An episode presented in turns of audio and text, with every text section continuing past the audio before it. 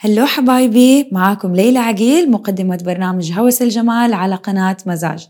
زي ما عودتكم دايما دايما إنه نكشف الأسرار خلف الكواليس في عالم السوشيال ميديا. اليوم تقدروا تسمعوا كل الحلقات اللي عجبتكم في البودكاست. لا تنسوا تحملوا الحلقات وتسمعوها وإن شاء الله تستفيدوا مرة مرة مرة. أحبكم.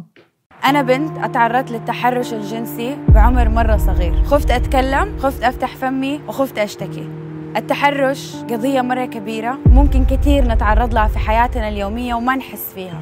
الفيديو اليوم حيكون توعية لكل بنت ولكل ولد ممكن يكون حس لو لثواني إنه خايف يتكلم.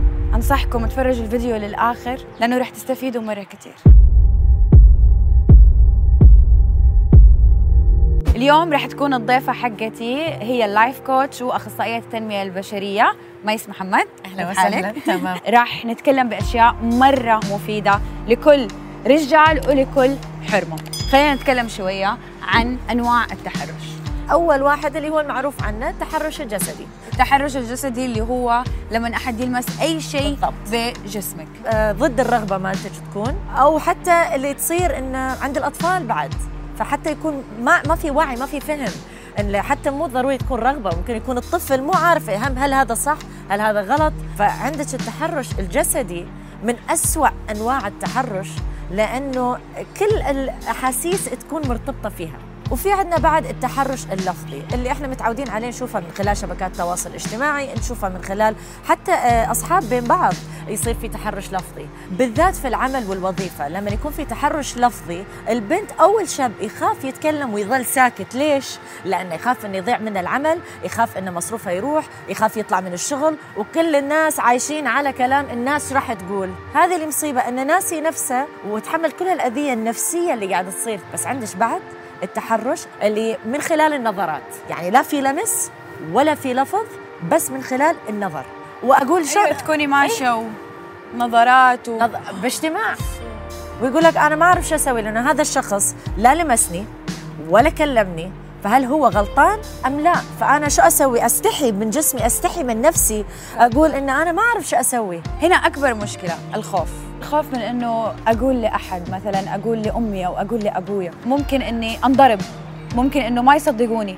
شوفي ما راح نقدر ننكر إنه في عوائل وفي قبائل وفي عشاير اللي إذا البنت نطقت وتكلمت عن هذا الموضوع في قتل في الموضوع. ميسة على على السوشيال ميديا من صحيح حالات صحيح. اللي هي آه، أخ قتل أخته علشان آه، اتعرضت للتحرش. أكيد الواحد حيخاف إنه يتكلم. أكيد أكيد. طب, طب إيش ممكن كيف؟ أي جرح يصير فينا شو أول شيء نسوي؟ نطهر. نطهره بالضبط. ليش؟ عشان نقدر نداوي. نداويه ونغطيه حتى ما يلتهب. نفس الشيء تصير جروح اللي إحنا ما نشوفها بالعين وهي الجروح النفسية. هذا الجرح إذا من الداخل يظل مفتوح راح يلتهب وإذا التهب راح يصير في أمراض. راح تصير في أمراض مزمنة بعد اللي تؤدي إلى الموت. فأنت اختار.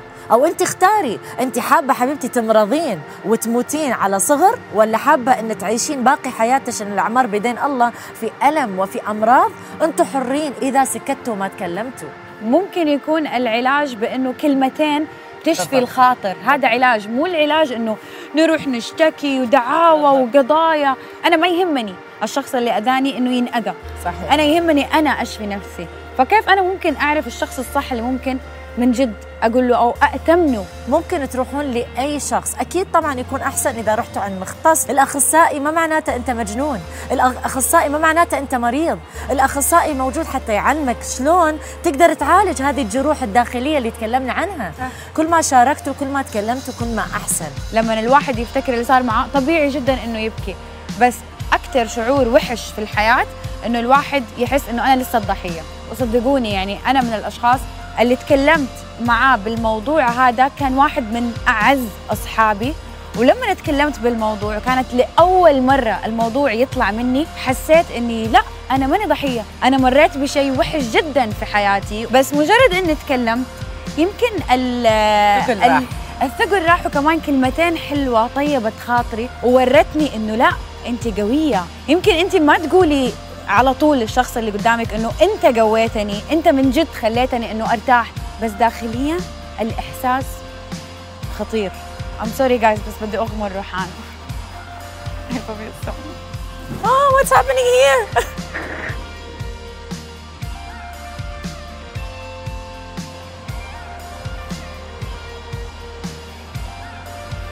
لما يكون قدامكم من جد أحد مين ما كان يكون؟ حاسين من جد. هذا هو الشخص الصح اتكلموا أخذوا هذه اللحظة بعد هذا الفيديو بعد هذه الثانية. اتكلم. صديق استشاري آه لو كان حتى في جروب موجود على شبكات التواصل الاجتماعي. أخذ هذا القرار واتخذ هذه الخطوة. بس إذا إحنا رح نضل طول حياتنا نلوم الشخص المقابل نعطيه أعذار ونعطيه أعذار. بالضبط. على شو؟ على حسابنا إحنا على حساب سعادتنا. أنا آسفة جدا بس أنتم الغلطانين. فنحن ننسى المتحرش نعالج نفسنا عشان نقدر نربي أجيال. أنا ما حرضى يوم من الأيام أربي بنتي بأنه لو أحد تحرش فيها تخاف أنها تيجي تكلمني أو تخاف أنها تيجي تصارحني. لا. وإذا كنتوا لسه ما أنتوا لاقيين أحد من جد أنه تتواصلوا معاه أو تتكلموا ميس وأنا زي أخواتكم كل شيء حيكون سري مليون بالمية لأنه إذا نحن ما ساعدنا بعض ما حنلاقي أحد يساعدنا. بالضبط. ميس أنا مرة مبسوطة إنك. أنت من جد معايا اليوم. دحين حنروح على فقرة الدفاع عن النفس.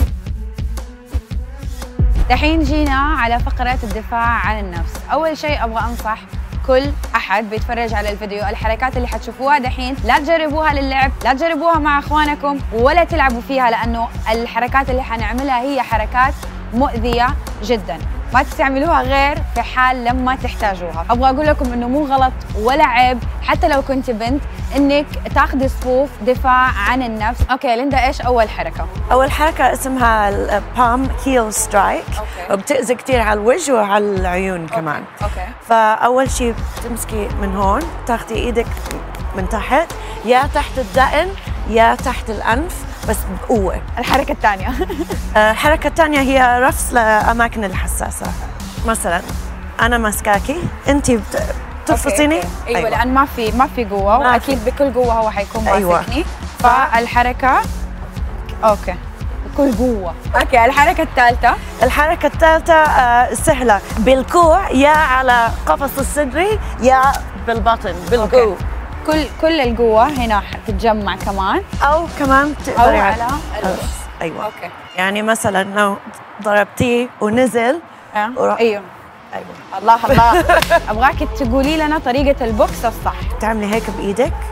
okay الابهام حيكون هنا. أيوة وتضربي أول أول أول اثنين. إصبعين. أيوة okay. أول إصبعين. تضربي من okay.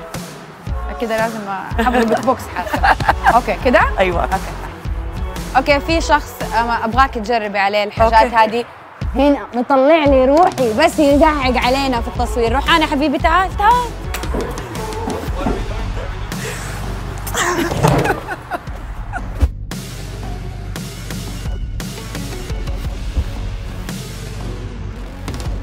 تخافي إنك تقولي إنك كنت في يوم ضحية للتحرش؟ لو إيش ما كان نوعه. تأكدي إنك أنت امرأة جدا قوية. لا تخلي هذه الجروح مفتوحة وما تتعالج روحوا عند أخصائي نفسي واستشاري أو life coach حتى تتحررون من هذا الخوف وتفتكون من هذه الأشياء. ولا تخافي تجربي قصص جديدة مثل boxing أو martial arts عشان شخصيتك تكون أقوى وأقوى وأقوى. وآخر شيء راح نقول لكم هو واحد اثنين ثلاثة. حبي نفسك!